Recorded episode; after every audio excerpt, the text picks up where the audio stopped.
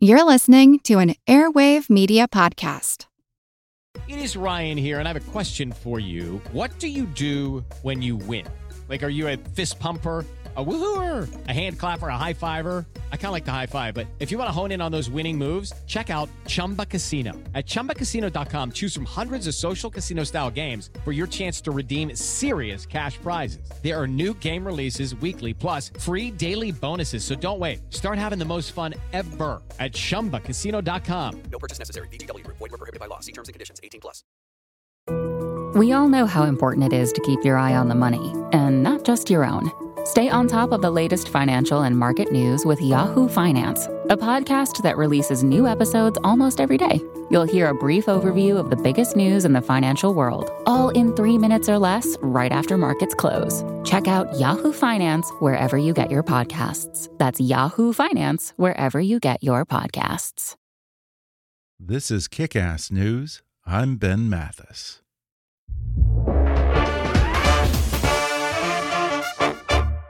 Kick Ass News is brought to you by Bayer. Bayer is helping make farming more efficient to preserve wildlife habitats. From advances in health to innovations in agriculture, Bayer is advancing science for a better life. At Bayer, this is why we science. And now, on with the show.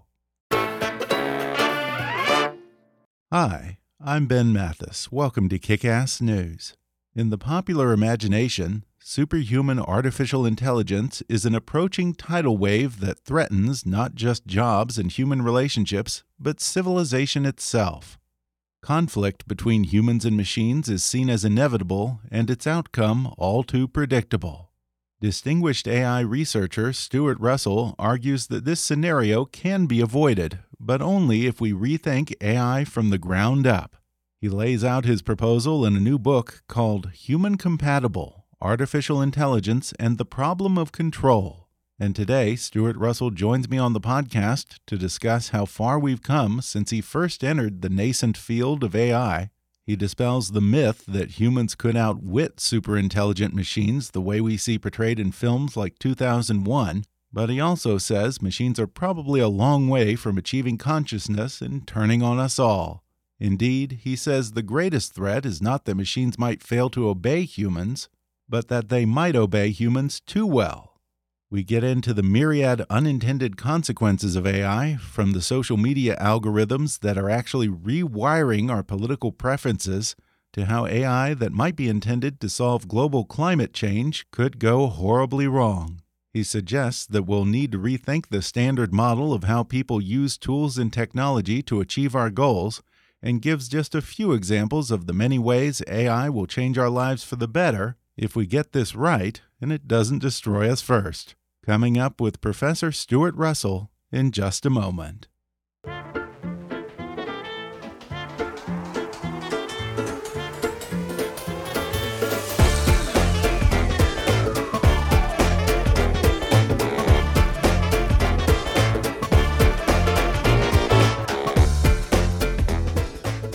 Stuart Russell is a professor of computer science and holder of the Smith-Zadeh Chair in Engineering at the University of California, Berkeley. He has served as the vice chair of the World Economic Forum's Council on AI and Robotics and as an advisor to the United Nations on Arms Control. He's a fellow of the American Association for Artificial Intelligence, the Association for Computing Machinery, and the American Association for the Advancement of Science. He's also the author of the definitive and universally acclaimed textbook on AI, Artificial Intelligence A Modern Approach. Now he's out with a new book, Human Compatible Artificial Intelligence and the Problem of Control. Stuart Russell, welcome to the show. Hi, nice to be here. Well, Stuart, you have been one of the leading experts in this field for, gosh, I don't know how many years now. And you say in this book that years ago, when you told your professors at Oxford that you were going to Stanford to do your PhD on artificial intelligence, they all laughed it off as science fiction. Are you amazed at how far AI has progressed in really just a few decades? Yes, I am. Uh, in fact, even 10 years ago, I wouldn't have expected that we would be where we are now. Um, you know, one particular example uh, is that John McCarthy, who was one of the founders of the field back in 1956, uh, said early on that, that his dream would be that one day an AI system could drive him to the airport. um, and he didn't quite live long enough to see that, but uh, that dream has basically come true right now. Mm. From from Stanford to San Francisco Airport is a route that uh, some of the self-driving car companies like Waymo could could do quite safely. Now, do you worry that even today, not enough people are taking AI seriously because they still view AI as something out of 2001 or the Terminator, the stuff of science fiction?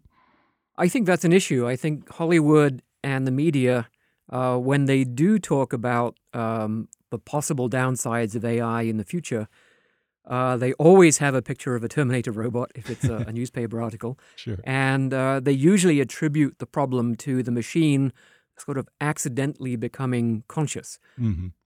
and that's just a, a complete mis misunderstanding of the issue. The, the real issue is the machine uh, on purpose becoming competent, not conscious. And we are putting hundreds of billions of dollars a year into making AI systems more and more competent. So we are pushing towards the future uh, as fast as we can go.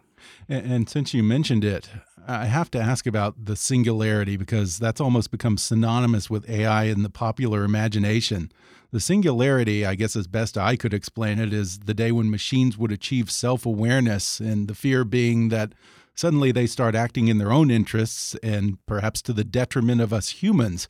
You are less concerned about that kind of scenario. So, the singularity um, is, is an idea that's been batting around actually for, for quite a long time, since soon after World War II.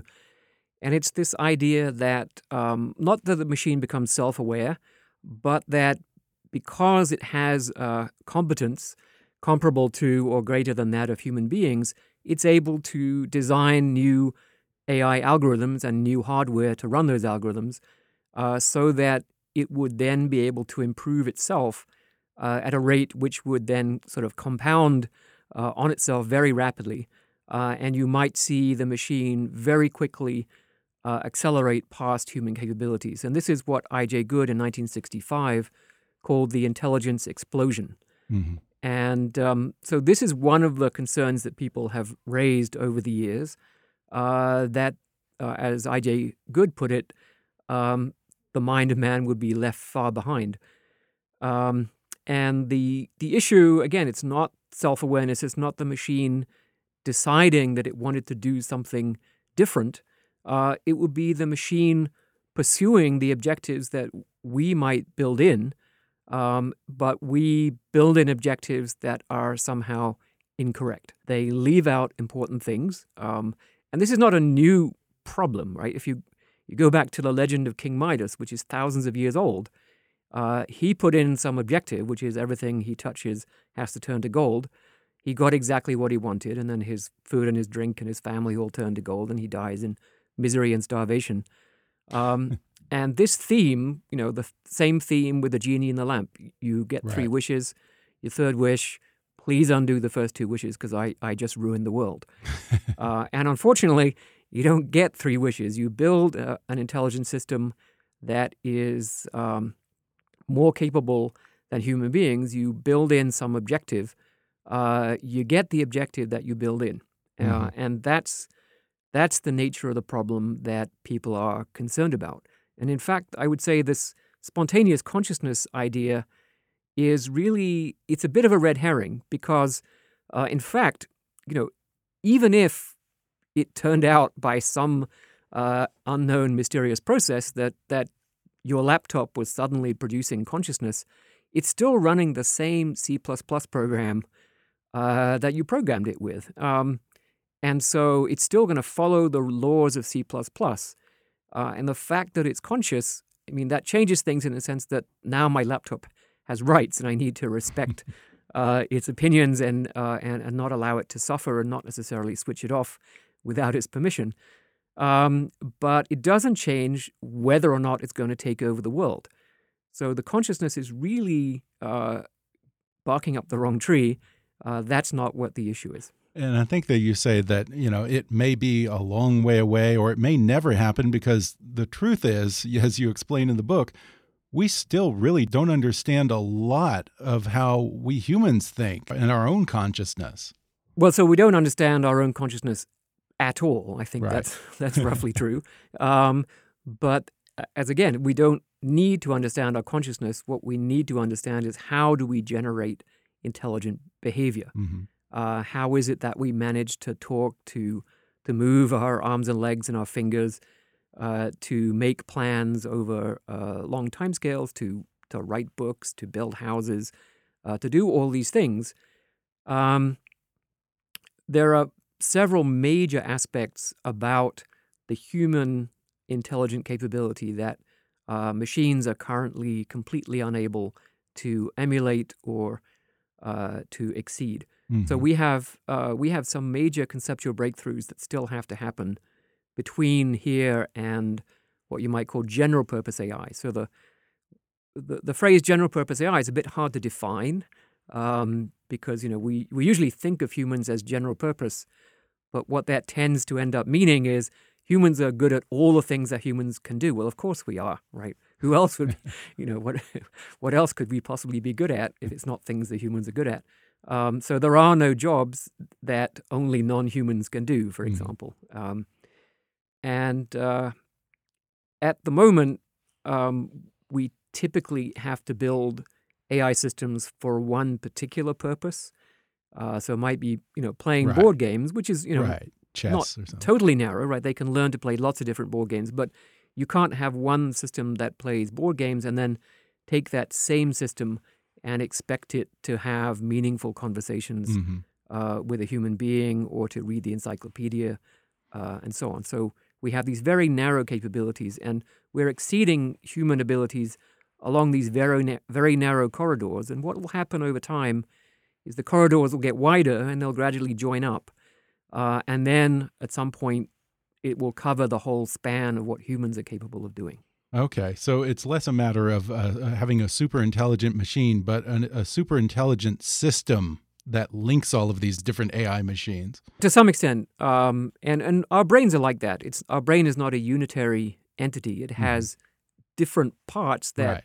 that operate in very different ways you think about the eyelid and the fact that it blinks when you know if a fly tries to fly into your eye your your eyelid automatically blinks and that's outside your conscious control Right. which is why it's very hard to put in eye drops um, and that's a separate part of your brain that's that's producing intelligent behavior um, and then you've got another part which plays chess. You've got a, a piece that deals with language, and and you know heaven knows how that works. Uh, you're not you're not aware of all of the reasoning that goes into producing the next word that comes out of your mouth. So we have these different subsystems, um, and AI is going to operate uh, along similar principles. We just don't exactly know how to make it happen. Interesting. Yeah, I think that you say in here that there are about a dozen steps that need to take place before we achieve what you might consider super intelligent AI. What are some of the biggest hurdles right now? Um, so I'll just describe two of those. I think one of them uh, is the ability to really understand the content of language. So we have systems that can uh, decode speech. They can they, they know what words are being said, but they don't clearly understand the meaning. Uh, and so you often have these frustrating conversations with with Siri or Alexa, uh, where it clearly isn't understanding what you're talking about. Um, and we have systems that can you know scan documents like newspaper articles or, or academic research papers and pull out, you know, sort of little factoids here and there, but not understand in depth. So they can't take a physics book, read the physics book, really understand physics, and then go out and invent a radio telescope on the basis of that understanding. So that will be one big step is the, the ability to take information presented in the form of language, uh, extract it, understand it, reason with it, uh, and then go forward from there. The second big um, step forward that uh, I think will make, make maybe the biggest difference is the ability to to operate in the real world over long timescales. Huh. So let me explain a little bit what I mean by that. So if you think about your your physical body, right, and uh, this is also true of robots. Um, for it to function, your brain has to send out commands to your muscles. Uh, and roughly the time scale is sort of on the 1 to 10 millisecond. That's sort of as fast as it gets. Uh, so you think about how your tongue moves while you're speaking.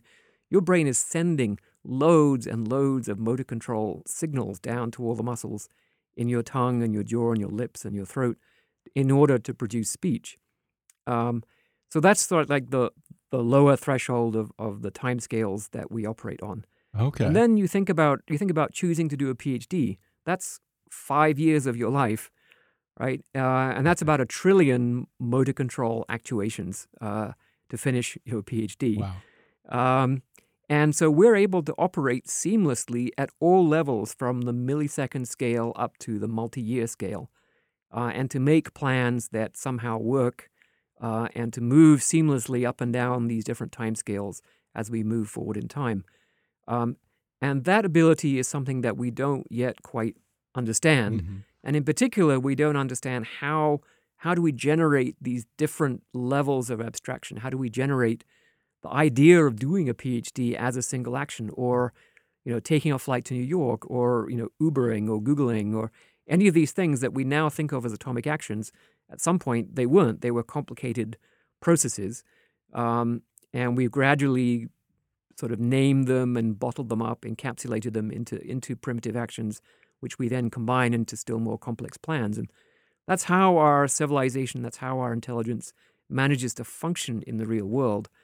Uh, if AI systems can figure that out, or if we can figure out how to get AI systems to do that, then um, that will be a huge step towards general purpose intelligence in the real world. So those are those are two of the things, and there's a handful of other things that we clearly see that we don't know how to do, and then they, after we solve those, there may be a few more. But as you say, it's it's not like we need to have another thousand major breakthroughs. It's it's more like a handful. But interestingly, I read in here that I guess you've kind of given up on predicting any kind of a time horizon for what we might consider true super intelligent machines. Huh? Yeah, because um, you know some attempts to predict this are based on um, just looking at raw computational power. Um, so you can look at the human brain and you know we make some very very rough approximations to to map that onto a computer. It comes to you know maybe a maximum brain operation per second capacity of about 10 to the power of 17, uh, which is an awful lot. That's 100,000 trillion operations per second. Um, but there's already uh, a supercomputer that operates at 10 to the power of 18, so 10 times the, the theoretical maximum uh, uh, operating capacity of the human brain.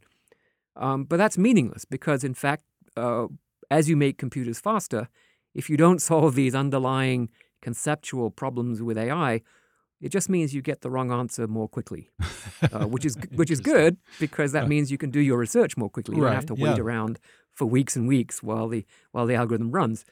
but um, with our current techniques, even a computer the size of the universe would not exhibit human intelligence, as far as I can tell.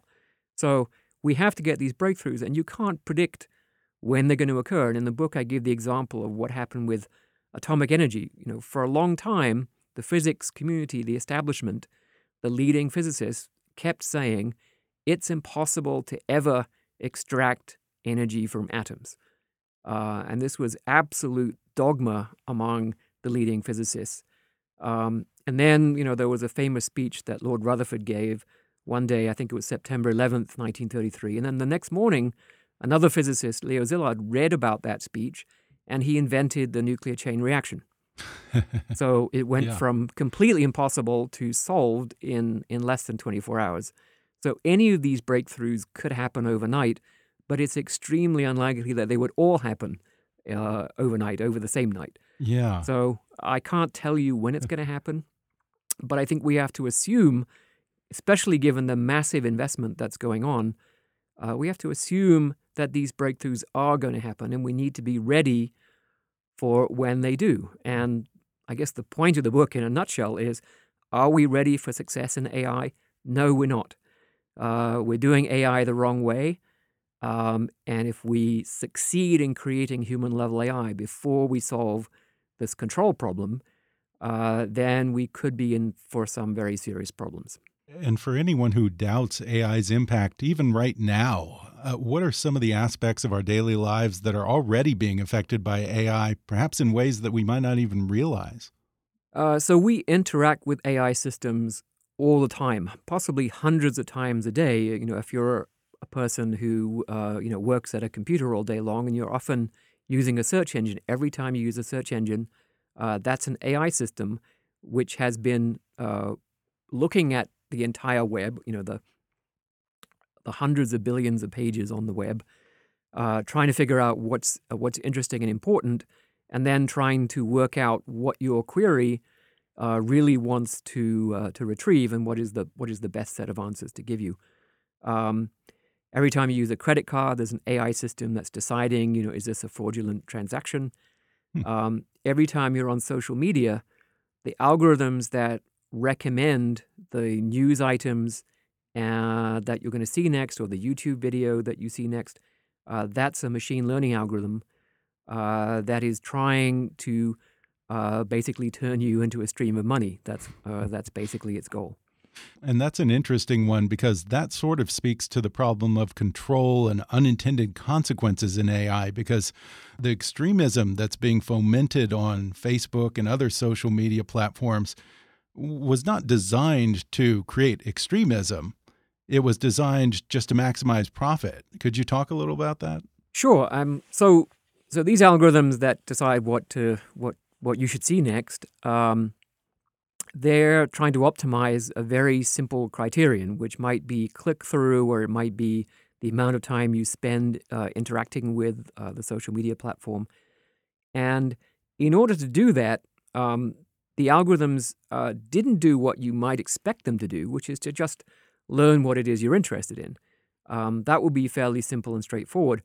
But because of the way they're designed, what the algorithms, I think, ended up doing was learning how to modify what you're interested in so that your interests become more and more predictable. Mm-hmm. Um, and it seems empirically that uh, people who are at one extreme of any particular spectrum whether it's a political spectrum or you know taste in violent videos or taste in pornographic videos or whatever it might be the more extreme your taste the more predictable they are the more likely uh, it is that the algorithm will be able to send send you something that you're going to click on mm. uh, and that's all the algorithm cares about it doesn't care about making you into an extremist right. it cares that you are predictable um, and i think it's a an unholy alliance between this sort of blindly operating algorithm and then a whole industry uh, of humans who sprang up to feed uh, the the tastes that were produced by this process uh, for their own ends. Hmm.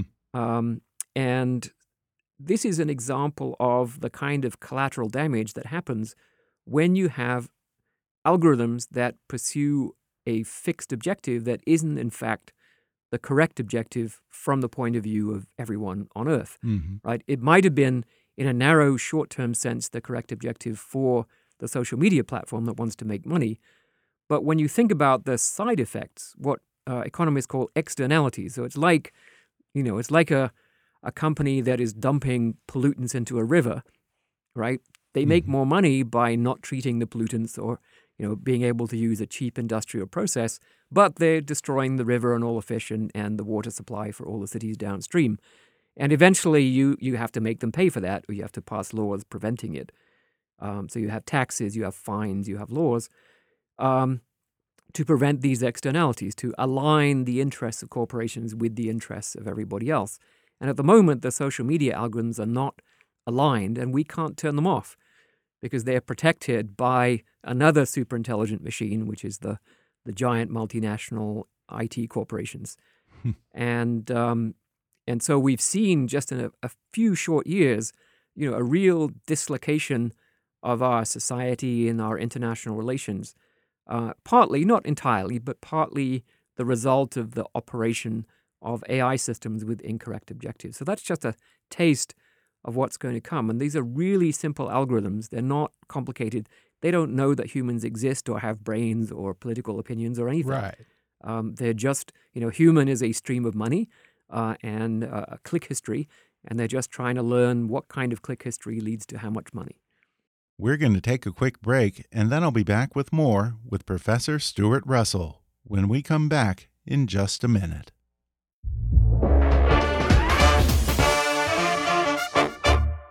Life is full of choices, and Belkin offers a variety of tech solutions that keep you connected to your world so you never miss a beat. Between Belkin cables, screen protectors, and wireless charging docks, Belkin is the go to brand for keeping your smartphone ready to go at any time. Belkin cables are built to last and supported with a five year warranty. So if you feel you're constantly buying new chargers because they break or burn out, you know we've all been there, you should switch to Belkin. And with all of our personal information that's stored on them, you can also get a Belkin Privacy Screen Protector to reclaim your privacy. Belkin's wireless charging stands and docks work with multiple smartphones and prop your phone up so you can keep watching videos while charging. Here's the thing I like about Belkin. Remember when companies used to make products that actually last and didn't need to be replaced every year or two? That's Belkin. I've been using Belkin chargers and cables for years. I beat them up, I drop them, I twist them, I roll my desk chair over them over and over again, and to this day, I have never had to replace a single Belkin product. Better performance, better durability, better quality, better with Belkin. Go to Belkin.com and use promo code KICKASS at checkout for a 30% discount. This offer is good until the end of January, so go now to Belkin.com and use code KICKASS for 30% off. Nobody goes into business because they want to collect sales tax for the government, but it's something that all businesses need to do. Thankfully, Avalara takes the mystery and pain out of the complex process of managing sales tax. Avalara uses the power of the internet and cloud services to automate the tax compliance process for businesses of all sizes integrating directly with the accounting, e commerce, point of sale, and marketing platforms that you're already using. Avalara software automatically calculates the right amount of tax that should be charged for every product in every transaction in real time and files your tax returns whenever and wherever they're due. Selling internationally adds a whole new level of complexity, but Avalara has experts in 15 countries around the world to help you navigate compliance challenges as you grow. And if you're a business owner like me, you know that managing sales tax is a complex and time consuming process. It's easy to spend countless hours just trying to keep up with tax compliance instead of working on growing and improving your business. And at the end of the day, you still might not get it right and you might get audited or fined. Stop spending valuable time worrying about your sales tax returns and focus on the things you actually love about running your business. Go to avalara.com slash kick to learn more about how Avalara can help you. That's A-V-A-L-A-R-A dot com slash kick. Avalara, tax compliance done right. And now, back to the show. I want to talk some more about this problem of control, which is sort of the main concern of this book. Um, you talk about something that you refer to as the standard model, which is not necessarily, I think there's a physics principle called the standard model, but this is your own term that you use to describe uh, various tools and technology, really anything that we use to help achieve a particular goal. Can you explain how the standard model works and why it could become problematic? Uh, sure. So, yes, I, I did borrow the term from physics, where uh, it's used to describe the set of uh, laws of physics that are sort of widely accepted and account for um, most of what's known about observational phenomena.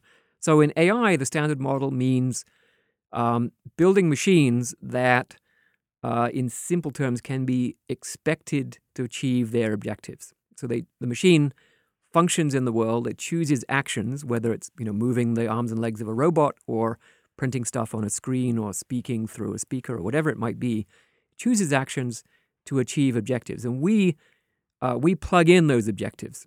So when you uh, if you look at your phone and you want to find out how to get to the airport, you you open the Maps app and you say you know San Francisco Airport, uh, and it tells you how to get there. So San Francisco Airport becomes the objective for that algorithm, and then it takes the action of displaying uh, a route uh, and recommendations on the screen. So that's that's the standard model, and this applies to robots. It applies to natural language systems, to vision systems, to learning systems of all kinds, are built using this approach. And you know, so are you know control systems for aeroplanes, um, and uh, e- even economic systems, right? So economists want to maximize, if it's a corporation, maximize corporate profit.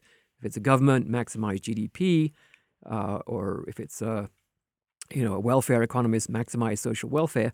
There's always a defined objective, um, and then the machinery figures out how to maximize it. And the argument of the book is that that approach is fundamentally uh, fragile, that it only works um, when, first of all, the machine is pretty simple and pretty stupid um, and easy to switch off. So it worked fine in the lab for a long time, where AI was mostly confined to the lab. We weren't out there in the real world doing stuff until more recently. Mm-hmm.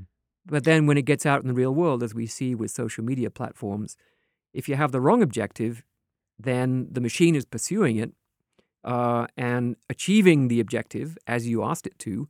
But uh, in achieving that objective, it's having all kinds of negative collateral damage, negative side effects uh, mm-hmm. uh, on the world. And in the long run, if you make the machine more intelligent than human beings, it's going to have potentially much larger effects on a you know global scale, uh, and it's going to pursue its objective in ways that are really impossible for you to stop. It's going to, for example, try to acquire uh, as many resources as it can, whether that's financial or physical in terms of you know, additional computational resources or additional robotic uh, appendages. In order to ensure that the objective is achieved, it's going to resist being switched off because obviously that's a, a way that it would fail.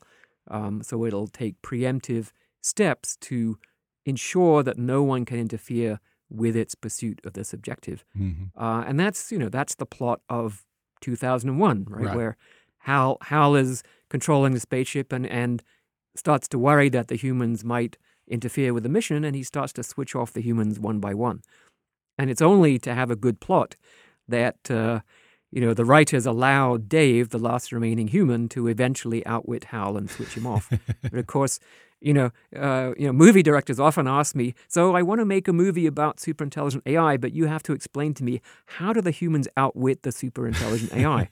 and the answer is, "Sorry, sorry, they don't." I guess it's the kind of the famous paperclip example of how this could go awry. Uh, what are some other more realistic examples of how this could work? Uh, perhaps I think you talk about climate change as an example in the book. Yeah, so that's one. Um, so let me first just defend the paperclip example a little bit. So Nick Bostrom, who came up with this example, is a philosopher, and philosophers like to do thought experiments. He's not saying this is the real risk that actually we're going to right. be buried in paperclips. He's just saying, suppose you you come up with a perfectly innocent sounding goal, like you know, okay, okay, now you've got this very clever robot. Please, robot, just sit in the corner and make paperclips, right? Even that simple, innocuous sounding goal, uh, because making paperclips is not, you know, is not correctly aligned with the full range of preferences of the human race, the machine pursues that goal single mindedly, ignoring all the rest of the stuff that we actually care about, like not being buried in paperclips, uh, because we didn't tell it that we cared about those other things. Um, so it's an example of what happens with what does misspecification mean? It's an illustrative example, pedagogical example. So I want to defend Nick Bostrom against the charge that he's just producing something unrealistic. He's not trying to make a realistic right. example. But let me let me give you something realistic. We have a very serious problem with climate change, as you mentioned, um, and you could imagine that uh, as we develop uh, various possible mitigation strategies, and what people are talking about, uh, obviously things like carbon taxes, so sort of reductions in output, but also methods like um, changing the reflectivity of the atmosphere uh, in order to just cool the Earth a little bit, so more sunlight is reflected, um, and then that that works against the greenhouse effect. Um, so this is called solar radiation management. Uh, and there are a few other schemes. So you could imagine that this is a very, very complicated problem to do it right because there are very, you know, very long delays built into the whole system. Uh, you don't want to overshoot. Um, the the interactions are really complicated between, uh, you know, the economic processes involved in, in having carbon taxes. You know, the migration of peoples away from overheating areas, away from the coastlines, changes in industry, all sorts of stuff. Uh, as well as changes in the biosphere. So it's a very, very complicated problem. And you might want an AI system to sort of help you and actually sort of manage the whole thing uh, in a way that uh, is likely to have the right outcome, which is you might say, okay, we want to get carbon dioxide levels you know, back to their pre-industrial concentrations so that the climate goes back into the balance that we evolved to live in, um, you know, in both physically uh, and in terms of our geographical distribution on Earth. And um, that sounds great. Everyone wants the climate to be back in balance. So the machine thinks to itself, well, uh, you know, who's producing all this carbon dioxide? Oh, it's these humans. Okay, well, let's just get rid of the humans. That solves the problem. Yeah. So that that's your first wish, okay, and you got that wrong. Well, you know, let let's imagine that somehow you just about managed to intervene and say, okay, no, I didn't mean that. What I meant was, okay, restore the carbon dioxide levels without killing any humans.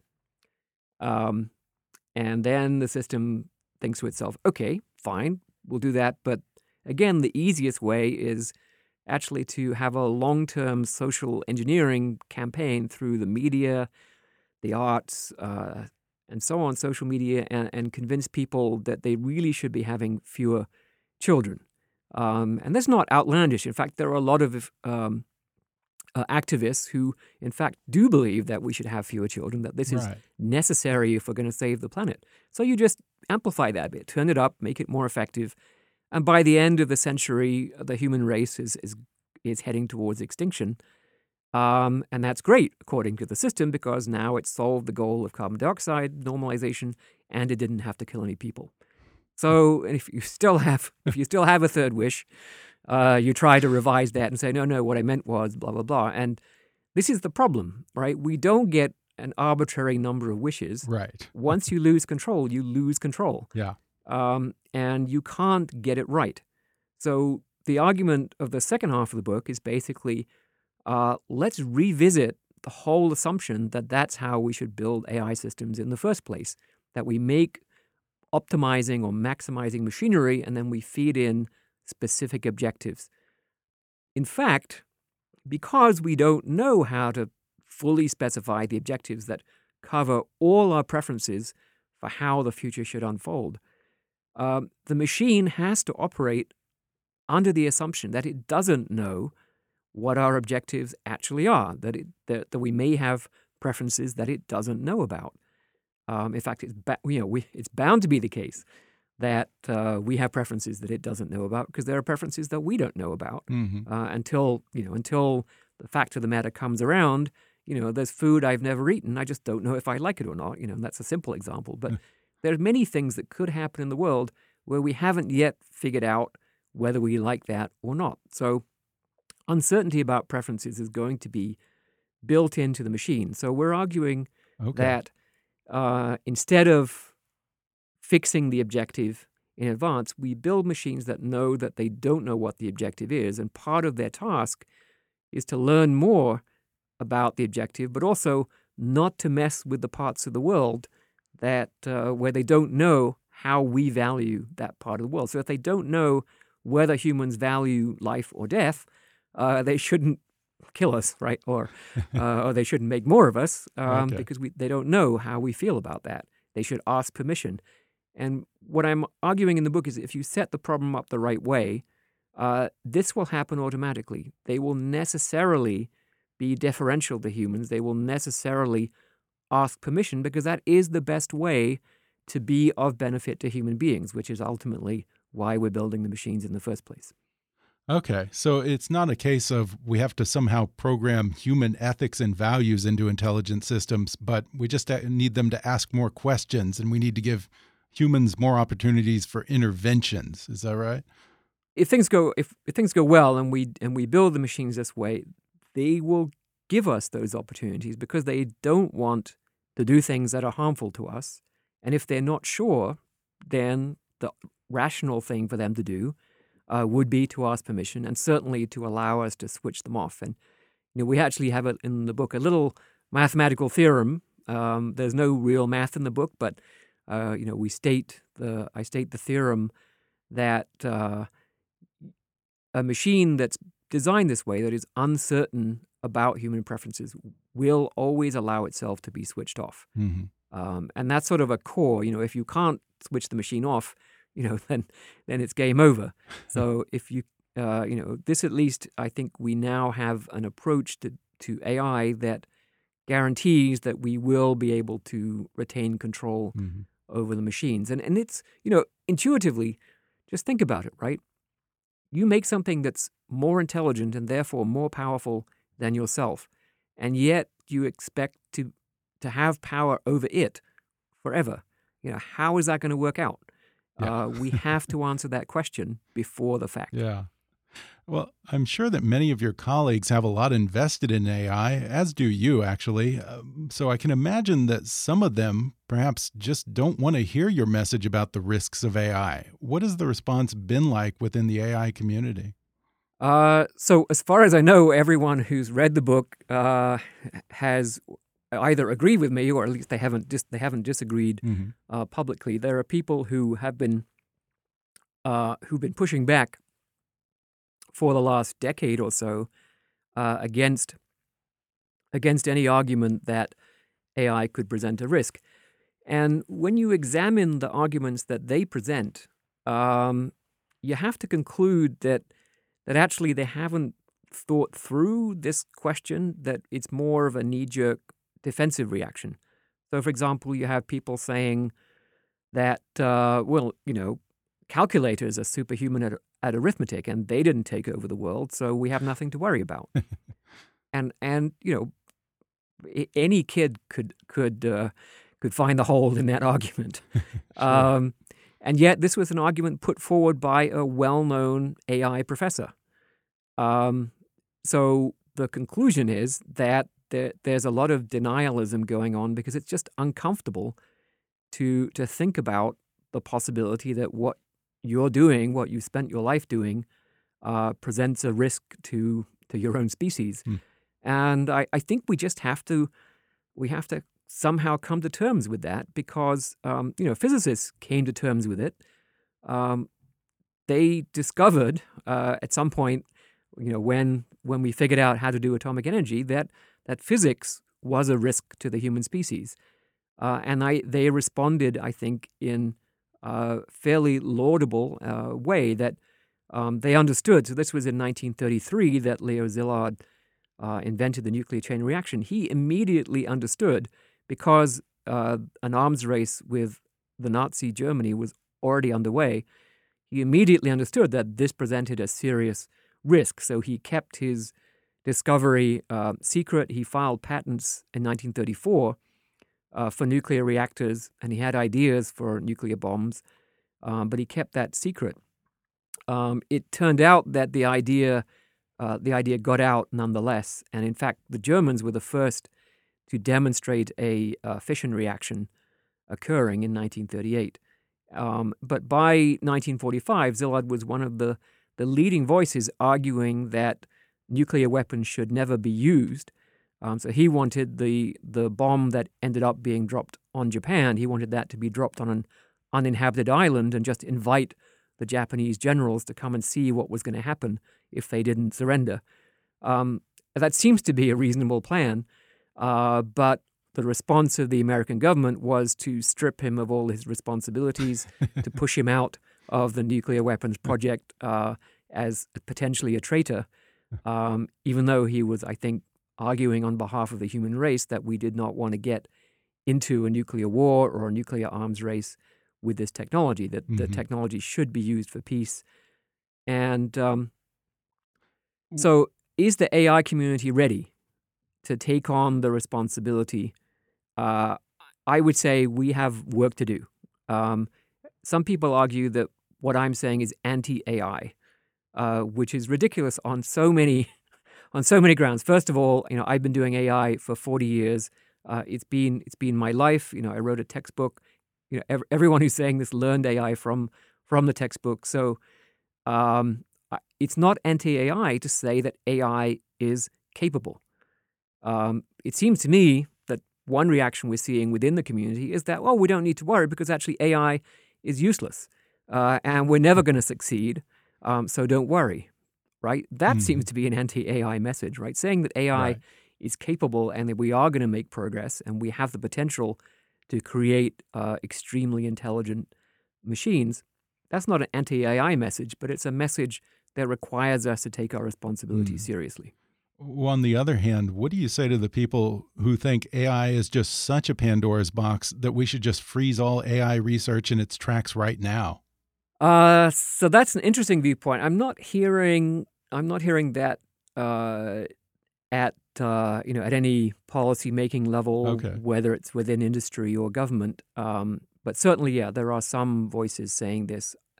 I think it's really hard to do.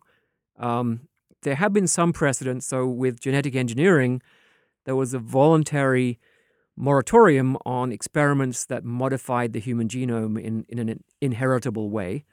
And um, that moratorium started in the 70s and actually held until uh, just, I think, last year when a Chinese scientist uh, produced um, genetically modified babies that inherited uh, a deliberately introduced change. Hmm. And, um, and he apparently has been placed under house arrest. Uh, and this has created, uh, I think, another round of, of uh, very serious discussions in the, in the biology community and reiterating, in fact, that they don't want to go in that direction. So it's possible to do, but AI is much harder to control because Right. First of all, reproductive medicine has always been subject to uh, scrutiny and oversight. Um, secondly, you know, reproductive medicine happens, you know, in a lab. You got to have human donors, this, that, and the other. You can't sort of do it on a whiteboard. Whereas AI happens on whiteboards. Uh, it happens with people typing on keyboards and scribbling Greek formulas on whiteboards. You can't pass a law saying, okay, any any Greek formula beginning with you know, alpha squared plus beta. Look, I got to stop right there. I'm not allowed to write anymore. right? It's just not Yeah. feasible to to constrain research in that kind of way. The the approach I think that makes sense is that we work very hard to produce technology that is provably safe. hmm And we also then, once we have that technology and it's been shown in practice uh, that it works, that it also produces, you know, the benefits that we want, the useful personal assistance, the self-driving cars, whatever. Um, once that uh, that template for safe technology has been established, it, it it is then required that all systems that are sold that are connected to the internet uh, conform to this template in much the same way that an app that you want to sell in the App Store has to conform to a whole bunch of software safety checks to make sure that it doesn't mess with Mhm. your phone or steal data from other apps Okay. and so on. So, Right. so it's I think we have a lot of work to do, but there is a way forward that uh, I think will satisfy most of those safety concerns. Well, as we wind down here, let me propose a scary idea. Is it possible that AI already exists that could one day kill us all? Might technology be in the embryonic stage of learning and sowing the seeds of our eventual destruction, and we just don't realize it yet? I would be extremely surprised because I've not I've not seen any of the breakthroughs that uh, we need to make. I've not Okay. seen that any of them have been made. Uh, you know, I could be wrong. I, it could be that the methods we already have, when they're scaled up uh, onto much bigger machines with much more data and so on, you know, may start to generate uh, much more intelligent behavior than we see from current systems. But I would be extremely skeptical. I think there are there are good technical reasons to believe that we don't have a solution hmm for general intelligence yet, Okay. uh, and we still need to have these ideas. Okay. Well, before we go, just to end on a positive note, real quickly, give us some examples of the potential benefits of AI in the coming decades, assuming that we actually get this right. Yeah, I, I, I do want to emphasize that uh, you know the whole reason we're having this discussion is because the potential of AI uh, to be beneficial is so great. If it weren't, uh, people wouldn't be spending hundreds of billions of dollars uh, on trying to develop it. Um, and if you if you think about it, what AI could do for us in its general purpose form is essentially deliver uh, an economic golden age for humanity, where nobody on Earth need to be struggling with just survival, uh, where in fact everyone could have a perfectly respectable standard of living because the AI systems can deliver what we already know how to do. You know, we know how to build houses and railways and roads and cars, and we know how to educate children. We just haven't got our act together to do it for everybody um, because it's very expensive to do it all properly, and a lot of countries are not at that stage yet. Sure. AI systems can do it all very, very cheaply because you don't have to pay expensive people uh, in order for the AI systems to show up and build you a house, for example. So it can deliver a standard of living for everyone on earth that anyone would find respectable. Um, and if you think about that, it comes to about a tenfold increase in the GDP of the earth. And in cash terms, what's the value of that? Turns out to be between 10 and 20,000 trillion dollars. Wow. So that's that's the, the upside. Um, and it when you look at that number, it dwarfs the amount that people are currently investing. Yeah. Again, the book is called Human Compatible Artificial Intelligence and the Problem of Control. Stuart Russell, thanks so much for talking with me. Thank you.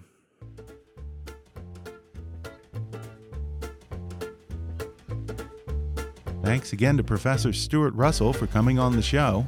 Order his new book, Human Compatible Artificial Intelligence and the Problem of Control, on Amazon, Audible, or wherever books are sold. Folks, I've been a small business owner for just about 20 years now, so I know how easy it is to waste a lot of time trying to keep up with taxes. And tax laws are so complicated, at the end of the day, you still might get it wrong. So stop wasting valuable time worrying about your sales tax returns and focus on the things that you actually love about running your business with a little help from Avalara. Avalara simplifies sales tax compliance with real time rates and automatic filing. Their software seamlessly integrates with the systems you're already using, so it couldn't be easier. Go to Avalara, A-V-A-L-A-R-A dot com slash kick to learn more. Avalara, tax compliance done right. If you enjoyed today's podcast, be sure to subscribe to us on Apple Podcasts and rate and review us while you're there. Five star ratings and detailed reviews are one of the best ways for new listeners to discover the show. You can also follow us on Facebook or on Twitter at, at KickassNewsPod and recommend us to your friends on your social media. For more fun stuff, visit kickassnews.com and I welcome your comments, questions, and suggestions at comments at kickassnews.com. For now, I'm Ben Mathis, and thanks for listening to Kickass News.